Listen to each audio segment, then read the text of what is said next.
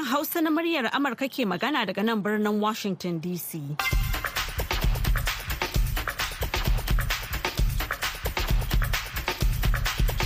Jama'a masu sauraro Assalamu alaikum barkanmu da wannan lokaci da fatan an waye gari lafiya. Maryam Dauda ce tare da Baba Yakubu Makeri da sauran abokan aiki. Muke farin cikin gabatar muku da wannan shirin na safe a yau Laraba 15 ga watan Fabrairu na shekarar 2023. To kafin ku ji abubuwan da muke tafa da su da farko ga kanan labarai.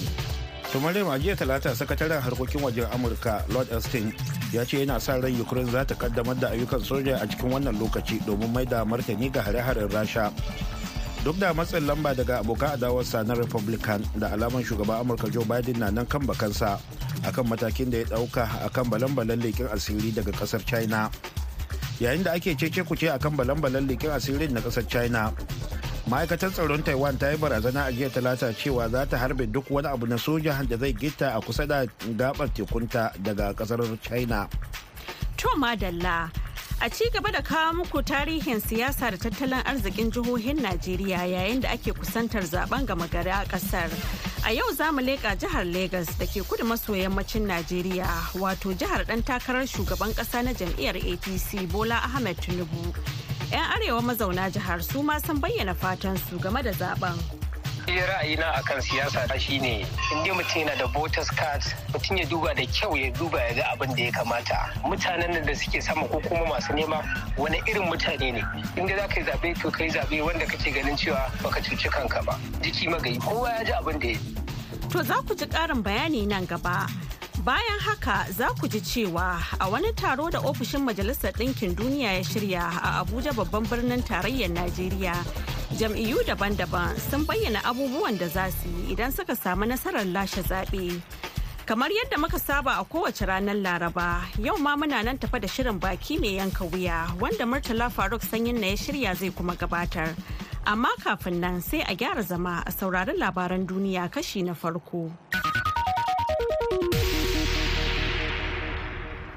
assalamu alaikum jama'a ga cikakkun labaran duniya mai karantawa baba ya kuma kiri a jiya talata sakataren harkokin wajen sakataren tsaron amurka lord austin ya ce yana sa ran ukraine za ta kaddamar da ayyukan soji a cikin wannan lokaci domin mai da martani ga hare-haren rasha yayin da yake tabbatarwa da gwamnatin kiev cewa amurka da kawayenta da yamma sun yi tsayin daka wurin taimaka mata a yaƙi da take yi da rasha.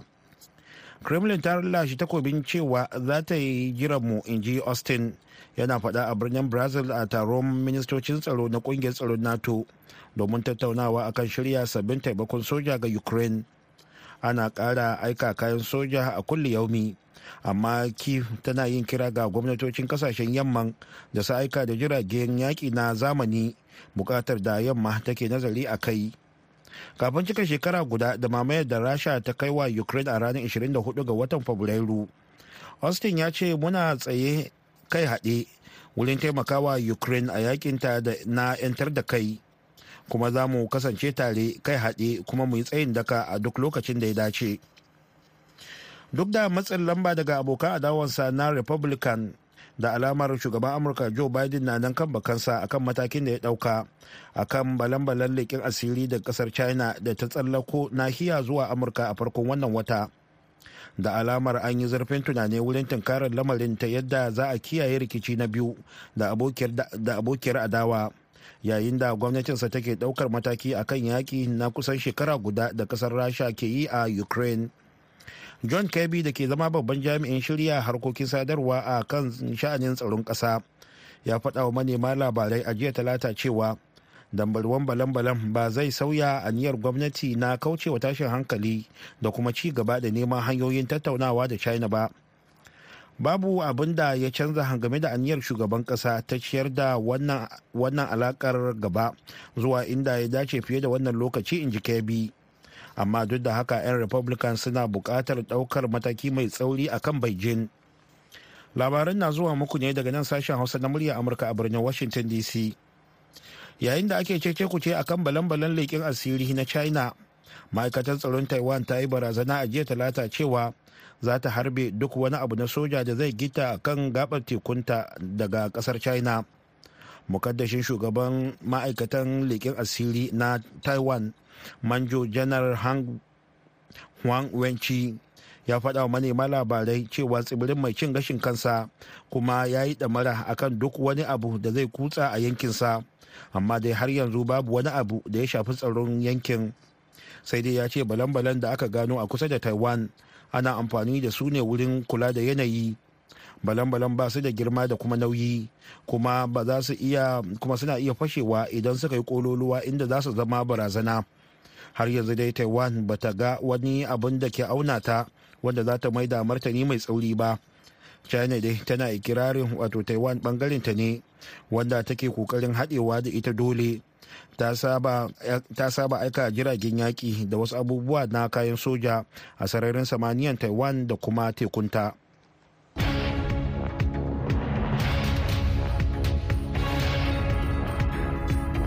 Madalla kafin ku ji ƙarshen labaran duniyar za mu leƙa ɓangaren rahotanninmu. Jihar Legas da ke arewa maso yammacin wato da ke kudu maso yammacin Najeriya wacce tafi yawan al'umma a ƙasar ta yi suna wajen siyasa da harkokin kasuwanci. Dan takarar shugaban ƙasa a ƙarƙashin jam'iyyar APC Bola Ahmed Tinubu ya taɓa zama gwamna a wannan jihar. Ga rahoto na musamman da wakilin muryar Amurka Babangida Jibrin ya haɗa mana.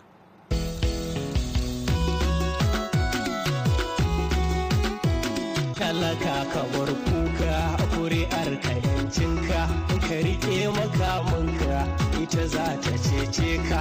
Talaka jihar Legas da ake kirari da cunkos ɗakin tsumma an kafa ta ne tun a karni na goma sha biyar kuma masanta da mafarauta ne suka fara kafa garin da ke bakin teku a shekara ta dubu ɗaya da dari huɗu da saba'in da biyu ne. Turawan fajigal su ne suka fara isa yankin daga cikin turawan mulkin mallaka kuma suka saka mata suna Legas a yaren fajigal wanda kuma yake nufin garin da ke bakin teku. Kuma sunan jihar na asali shine eko wanda kuma ta taba zama ƙarƙashin masarautar oyo kafin ta koma ƙarƙashin masarautar benin da ta yi kaurin suna wajen cinikin bayi. Lagos ta kasance birnin najeriya daga shekarar 1914 zuwa shekarar 1991 lokacin da shugaban mulkin soja na wancan lokaci janar ibrahim barmasi babangida ya tada birnin najeriya daga lagos zuwa abuja. Lagos da ke zama cibiyar kasuwancin najeriya da ma afirka. Ta yi suna wajen siyasa irin na adawa tun lokacin samun yancin kai in banda a wannan lokaci da ta kafa gwamnati a tsakiya na jam'iyyar apc tare da jagoran siyasar yankin asuwaju bola ahmed tinubu da ake wa kirari da jagaban bargu. Bayan suna da jihar lagos ta a kasuwanci har ila yau ita ce jihar da ta fi kowace jiha yawan jama'a a najeriya da mutane kusan miliyan ashirin. Haka kuma tana da masu zaɓe kusan miliyan takwas. Abin da ya sa 'yan siyasa ke kwaɗayin neman nasara a jihar a lokacin zaɓe kenan. To kowane irin matsaloli ne al'ummar jihar ke fama da shi da kuma suke son a magance masu ga dai abin da wasu mazauna jihar ke cewa. Sunana alhaji garba abdullahi wazirin hausawan jihar lagos saba yamma. Farko dai abin da muke so zama lafiya. Da nan a bar yaran mu su dawo su ci gaba da harkokinsu. Idan wata doka ce ya kamata ita gwamnati sa doka bisa ga masu hawan babura idan akwai abin da ake so ta hanyar za a samu rigino a kansu to sai a yi. Domin mun gaskiya kashe aikin okada na a lagos ga matasan mu ta gurganta mu arewa kowace jiha ta arewa. A matsayin mu na shugabanni na al'umma gaskiya ba mu ji daɗi ba. Kawai yanzu dai jihar lagos ta yi gwamnoni da dama na farar hula da suka hada da latif jakande wani tsohon dan jarida daga shekarar 1979 zuwa 1983 na jam'iyyar upn wato dai na marigayi chief obafemi awolo daga baya an yi michael otedola na jam'iyyar nrc sai kuma bola ahmed tinubu daga shekarar 1999 zuwa 2007 sai babatunde fashola daga 2007 zuwa 2015 sai kuma akwai mai ambode daga shekara ta 2015 biyar zuwa 2019 sai kuma babatun da shan olu na jam'iyyar apc shi ma daga shekara ta 2019 zuwa 2023 kuma yake neman tazarce a wannan zaɓe a karo na biyu a inda abdulaziz adenira ke takara a babbar jam'iyyar adawa ta pdp a jihar lagos dama dai jam'iyyar pdp da apc su ne manyan jam'iyyu a jihar to kuma ne fatan al'ummar jihar ta lagos daga wayannan 'yan siyasa idan suka kafa gwamnati yau ba suna na muhammad nasir daga birnin Lagos, Najeriya. Shi ra'ayina akan siyasa shine in dai mutum yana da voters card mutum ya duba da kyau ya duba ya ga abin da ya kamata wani hali yake ciki. Mutanen da suke sama ko kuma masu nema wani irin mutane ne. Sannan idan mutum ya amfani da wannan damar ya taimaki kansa to ya sani. Amma idan kawai kira na ga 'yan uwa na Hausawa mazauna Lagos shine kawai a yi ƙoƙari inda za ka yi zaɓe to ka yi zaɓe wanda kake ganin cewa baka cuci kanka ba jiki magayi kowa ya ji abin da ya kawo yanzu dai jihar lagos ita ce kan gaba da masu zaɓe kusan miliyan takwas wato miliyan bakwai da rabi bisa ƙididdiga da hukumar zaɓe ta fitar to menene fatan al'umman ko kuma jama'a game da wannan zaɓe? Sunana aminu tahiru mani a unguwar sabo yaba da ke mainland local government. Muna kira ga gwamnatin lagos da ta diba ta san duk lokacin zaɓe ya zo muna faɗi tashi tare. Bayan an kafa gwamnati mu muna zama kamar saniyar ware ba a neman mu ga komi kuma ko kuka muka kai akan wani tallafi ko kuma wani ƙoƙari da za a yi mun ba a diba yan magana dai yana cewa ba san macito ba sai miya ta kare a yanda hankula yanzu ya karkata zuwa ƙarshen watan fabrairu mai zuwa domin gudanar da zaɓen kasa baban ya ci murai amurka daga lagos a nigeria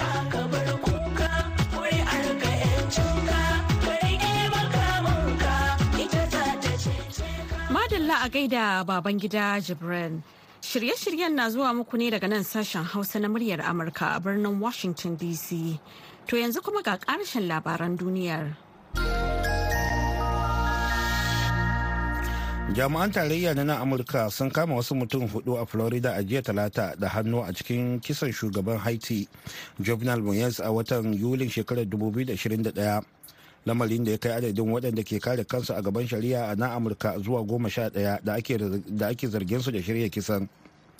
Biyu bayan kamin wani kwamitin masu taimakawa shari'a na tarayya a florida ya maido da zargin da ake yi wa mutum goma sha ɗaya da nau'ukan laifuka masu alaka da mummunan kisan da aka yi wa moise a gidansa da ke port au prince babban birnin ƙasar haiti a ranar bakwai ga watan yulin shekarar 2021 an harbi matan moyes sau da yawa yayin harin amma dai ta tsire da ranta. Wasu tsofaffin sojojin ƙasar colombia ne suka aiwatar da kisan da ake zargin wata ƙungiyar 'yan haiti da kuma amurkawa 'yan haiti a kudancin florida suka ɗauka domin hamarar da moyes bayan sama da watanni shida da amurka ta kashe shugaban alkayi da ayman al-zawahiri a wani samami ta sama a kabul na ƙasar afghanistan da alamar shugabancin ƙungiyar cikin sirrin ya koma hannun wani magajinsa a ƙasar iran. Wani sabon rahoton majalisar ɗinkin duniya akan bayanan sirrin ƙasashe mambobi na tabbatar da saif al-adar shine yanzu ya zama babban jagoran alka'ida lamarin da ke nuna ƙungiyar na ci gaba yanzu. Alka'ida ita kanta ta shiru game da batun jagorancinta. Bayan farmaki da ya kashe alzawahiri a ranar 31 ga watan yulin shekarar 2022 amma rahoton ya ba da dalilai guda biyu da ya sa ƙungiyar ta yi gwamda bakinta akan shugabancinta. Rahoton ya ce ba za a iya bayyanar da shugabancin al'adal ba saboda muhimmancin alka'ida ga taliban mai mulkin afghanistan da ta ki amincewa da mutuwar alzawahiri a kabul da kuma kasancewar al'adal a jamhuriyar musulunci ta iran.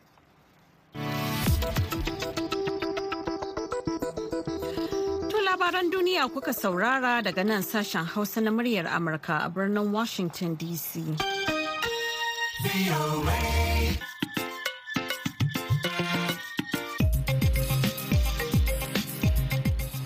madalla yanzu kuma za mu sake koma ɓangaren rahotanninmu. Yayin da ya rage saura 'yan kwanaki a gudanar da zaɓen shugaban kasa da na 'yan majalisun tarayya a najeriya. Jam'iyyu daban-daban na ci gaba da bayyana yadda za su tafiyar da harkoki a ƙasar idan suka samu nasara inda akasari suka bayyana ire-iren matakan da za su ɗauka a fannin ilimi tattalin arziki tsaro da kuma samar da shugabanci na gari. Jam'iyyun sun bayyana hakan ne a wani taro da ofishin majalisar ɗinkin duniya ya shirya a najeriya ga ƙarin bayani daga wakiliyar muryar amurka halima abdulra'uf.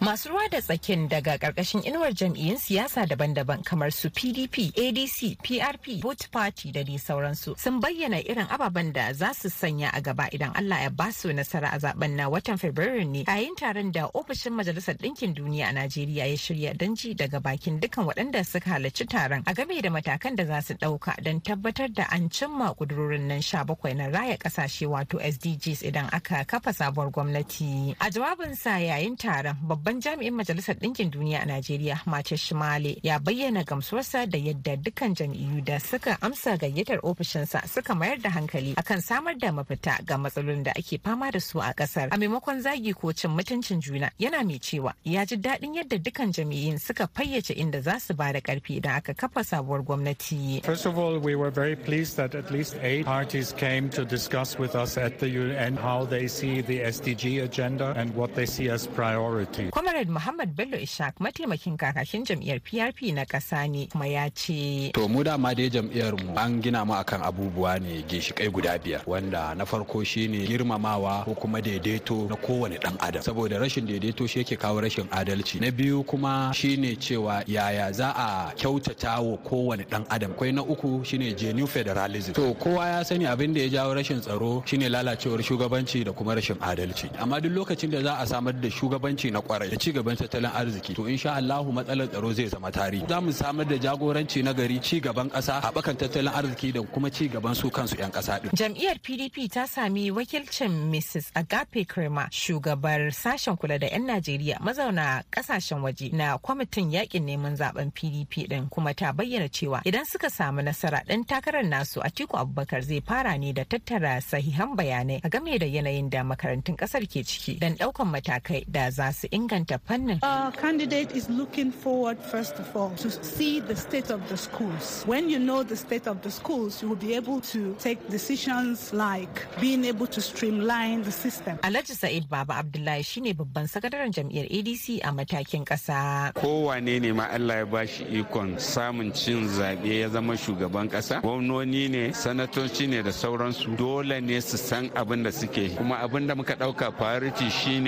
education. Duk abin da za a yi in ba a yi shi da ilimi ba ana samun akasin haka. Duk wani abu da za ka yi ko me muhimmancin shi in ka yi tanadin shi amma in baka da ilimansa yakan zama duk aikin banza ne. A ranar 25 ga watan Fabrairu ne ƙasar da ke tafiya a tsarin mulkin demokradiyya mafi girma a nahiyar Afirka wato Najeriya za ta gudanar da babban zabenta na bakwai tun bayan komawa mulkin farar hula a shekarar 1999 za a gudanar da zaɓen a Najeriya ne watanni kaɗan kafin ƙasar ta cika shekaru 30 da soke zaɓen shugaban ƙasa na shekarar 1993 wanda ake yi wa kallon mafi inganci cike da amfani da 'yancin 'yan ƙasa da walwala kuma mafi adalci a tarihin ƙasar. Lima Abdulrahman murya Amurka daga Abuja, Najeriya. Madalla a gaida Halima Abdulra'uf har yanzu dai kuna tare da sashen Hausa na muryar Amurka a birnin Washington DC akan mitoci goma sha shida ashirin da biyar da kuma talatin da ɗaya. To yanzu kuma ga shirinmu na gaba. Baki mai yanka wuya.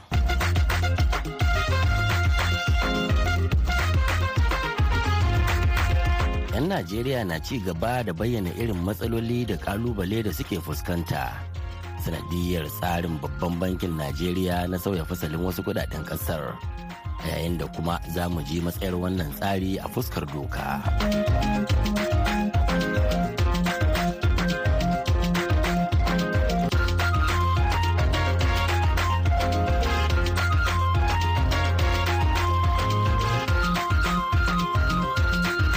Assalamu alaikum. Kamar yadda muka alkawarta muku a makon jiya, za mu kawo muku ra'ayin masana shari'a dangane da sabon tsarin gwamnatin Najeriya na sauya fasalin takardun kuɗin ƙasar. Lamarin da wasu masu fashin baki ke cewa ya jefa 'yan ƙasar a cikin wani mawuyacin hali, wanda kuma ake hasashen kai iya kawo cikas ga gudanar da babban zaɓen ƙasar da aka tsara gudanarwa 'yan kwanaki kalilan masu zuwa. To sai dai kafin nan bari mu leƙa da ku a babbar kasuwar Sokoto da ke arewacin Najeriya. Inda muka tattauna da wasu matasan 'yan kasuwa biyu masu suna iri ɗaya, amma kuma da ra'ayi bamban kan wannan lamari na canjin kuɗin. Duk kuwa da cewa sun yi muwafaka kan cewa lamarin ya yi sanadiyar tsayawar lamuran kasuwanci. Sunana Yusuf Muhammad Bello, Sokoto Central Market. muna tare da kuma sunana yusuf Muhammad wanda aka fi sani da Yusuf Kwalto. Na tare da ku kuna tattauna musamman dangane da sha'anin tattalin arziki da kuma wannan tsari da gwamnatin tarayyar Najeriya ta fito da shi na sha'anin fitar da kuɗaɗe. Menene ra'ayinka dangane da wannan al'amari da kuma irin yanayin da ake ganin kamar mutane sun shiga saboda shi? To magana ta gaskiya ni dai ra'ayina a gani na daidai na kuma ci gaba na gare mu ga ƙasarmu. Me yasa kake ganin ci gaba ne? Me wani irin ci gaba? Eh to idan ka diba yanayi na rayuwa yanzu ana samun ci gaba game ga abubuwa da yawa. Idan ka duba ƙasashen waje kamar inda an ka ci gaba za ka ga karamcin kuɗi shina da tasiri sosai. Sai haga kuma transfer irin transaction harkar transaction ta yi yawa ko ina sannan kuma abin da ni yana burge ni sosai saboda ba wai dole sai mutum ya ɗauki kuɗi ba ya yi yawo da su ya je inda duk zai je yana tare da kuɗi. Kawai idan mutum na da atm ko yana ɗauke da wayar shi zai iya sayan duk abin da yake so ko kuma ya ba da atm ɗin shi ya biya buƙatar shi. To malam a naka ɓangare menene ra'ayinka kai kuma dangane da wataƙila ra'ayin da shi yusuf ya bayyana? Lallai ni a nau ra'ayi. Gaskiya wanga abin ni ya taba ni bai min daɗi ba game ga canjin wannan kuɗin. Saboda kuɗi sun karamta ga hannuwan mutane wa'inda aka shi. Yau na fito in sha shayi. Duk da mai shayi ya nuna min cewa in ban da kashi ba zan sha shayi ba. Ala dole kuma shi bai da akawun din da zan yi masa transfer. Kaga ni wannan abin ya taba ni bai min daɗi ba.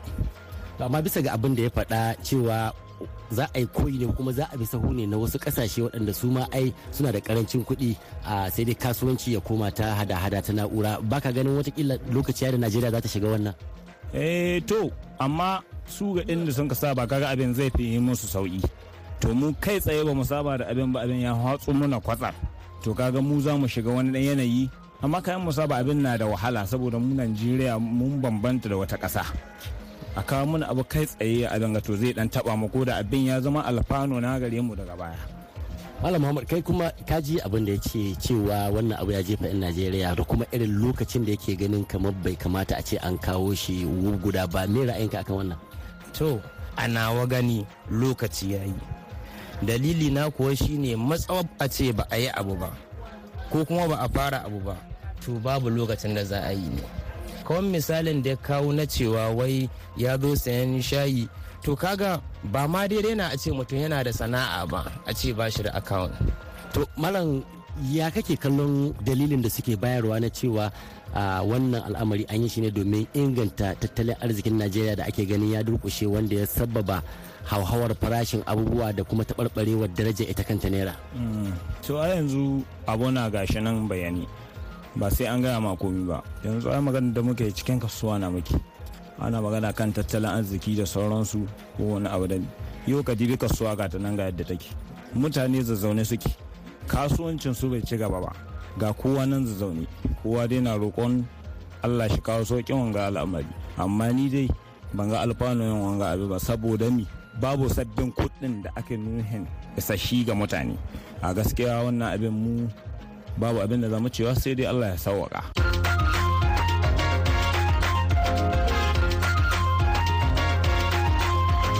masanin shari'a da kundin tsarin mulki barista mai nasara kogo umar ya yi mana fashin baki kan matsayar wannan mataki na gwamnati a daidai wannan lokaci ta fuskar doka na ɗaya wannan matsalar kuɗi tun farko ba a yi abin da ya kamata ba don jama'a ba su manta ba lokacin da aka ce kawai za a bullo da kuɗi za a fara amfani da su ranar kaza da kaza farko wanda ta fara kalubalanta wannan abun ita ce minista kuɗi.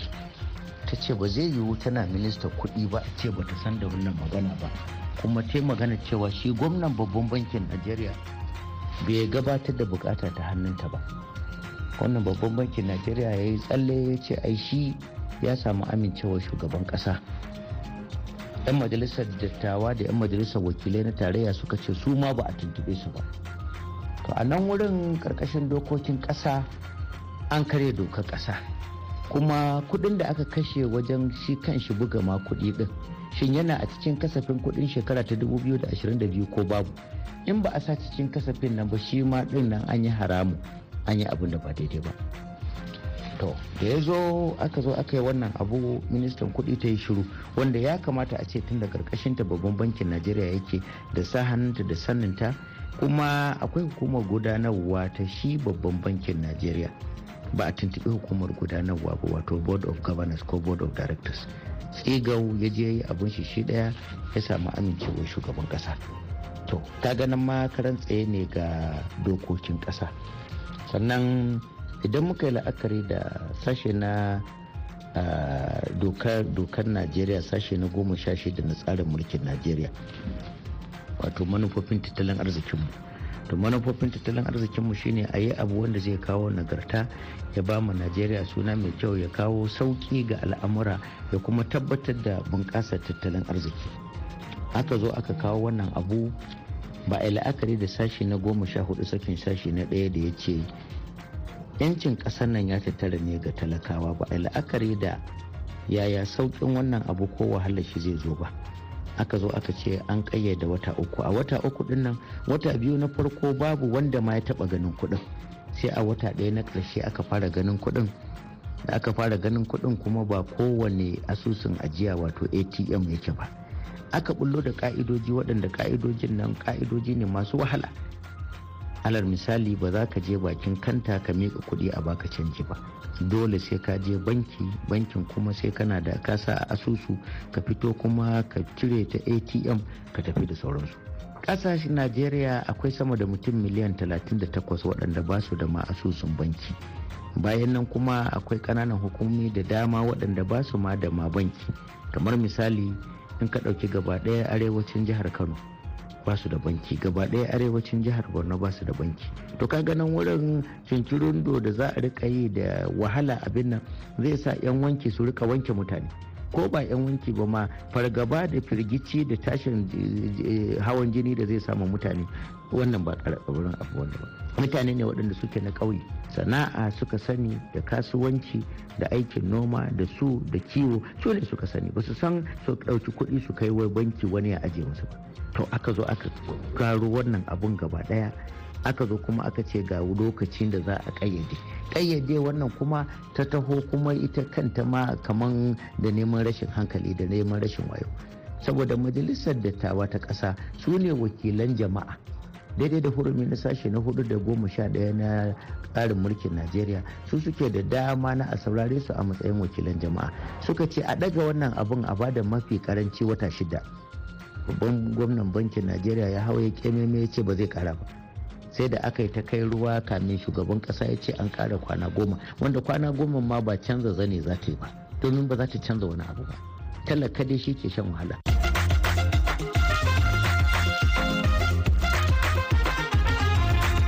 Saboda ƙarancin lokaci a nan za mu dasa aya sai mako mai zuwa inda za mu kawo muku wani sabon shiri. A madadin jumbe hamza da ya daidaita mana sautin shirin murtala faruk sanyin na ke muku sallama daga washington dc madalla a gaida murtala faruk sanyin na. To yanzu kuma ga takaitattun labaran duniya. To barewa a taƙaice a jiya talata sakataren tsaron Amurka Lord Austin ya ce yana sa ran Ukraine za ta kaddamar da ayyukan soji a cikin wannan lokaci domin mai da martani ga hare-haren Rasha yayin da yake wato yake tabbatarwa gwamnatin Kyiv cewa Amurka da ƙawayenta da yamma sun yi tsayin daka wurin taimaka mata a yaƙi da take yi da Rasha. Duk da matsin lamba daga abokan adawarsa na Republican da alaman shugaban amurka joe biden yana na akan bakansa akan mataki da ya ɗauka akan balan-balan leƙen asiri daga ƙasar china da ta tsallako nahiya zuwa amurka a farkon wannan wata da alamar an yi zarfin tunani wurin tunkarar lamarin ta yadda za a kiyaye rikici na biyu da abokiyar adawa yayin da gwamnatinsa ke ɗaukar mataki akan yaƙin wato kusan shekara guda da ƙasar rasha ke yi a ukraine To masu sauraro da haka muka kawo ƙarshen shirinmu na wannan lokaci amma idan Allah ya kai mu an jima da hantsi za ku je mu ɗauke da wani sabon shirin. A madadin Baba Yakubu Makeri da ya taya na gabatar da shirin da Jumbe Hamza wanda ya haɗa shirin da kuma ba da umarni da ma injiniyan Makar ni Maryam Dauda ke cewa ku huta lafiya.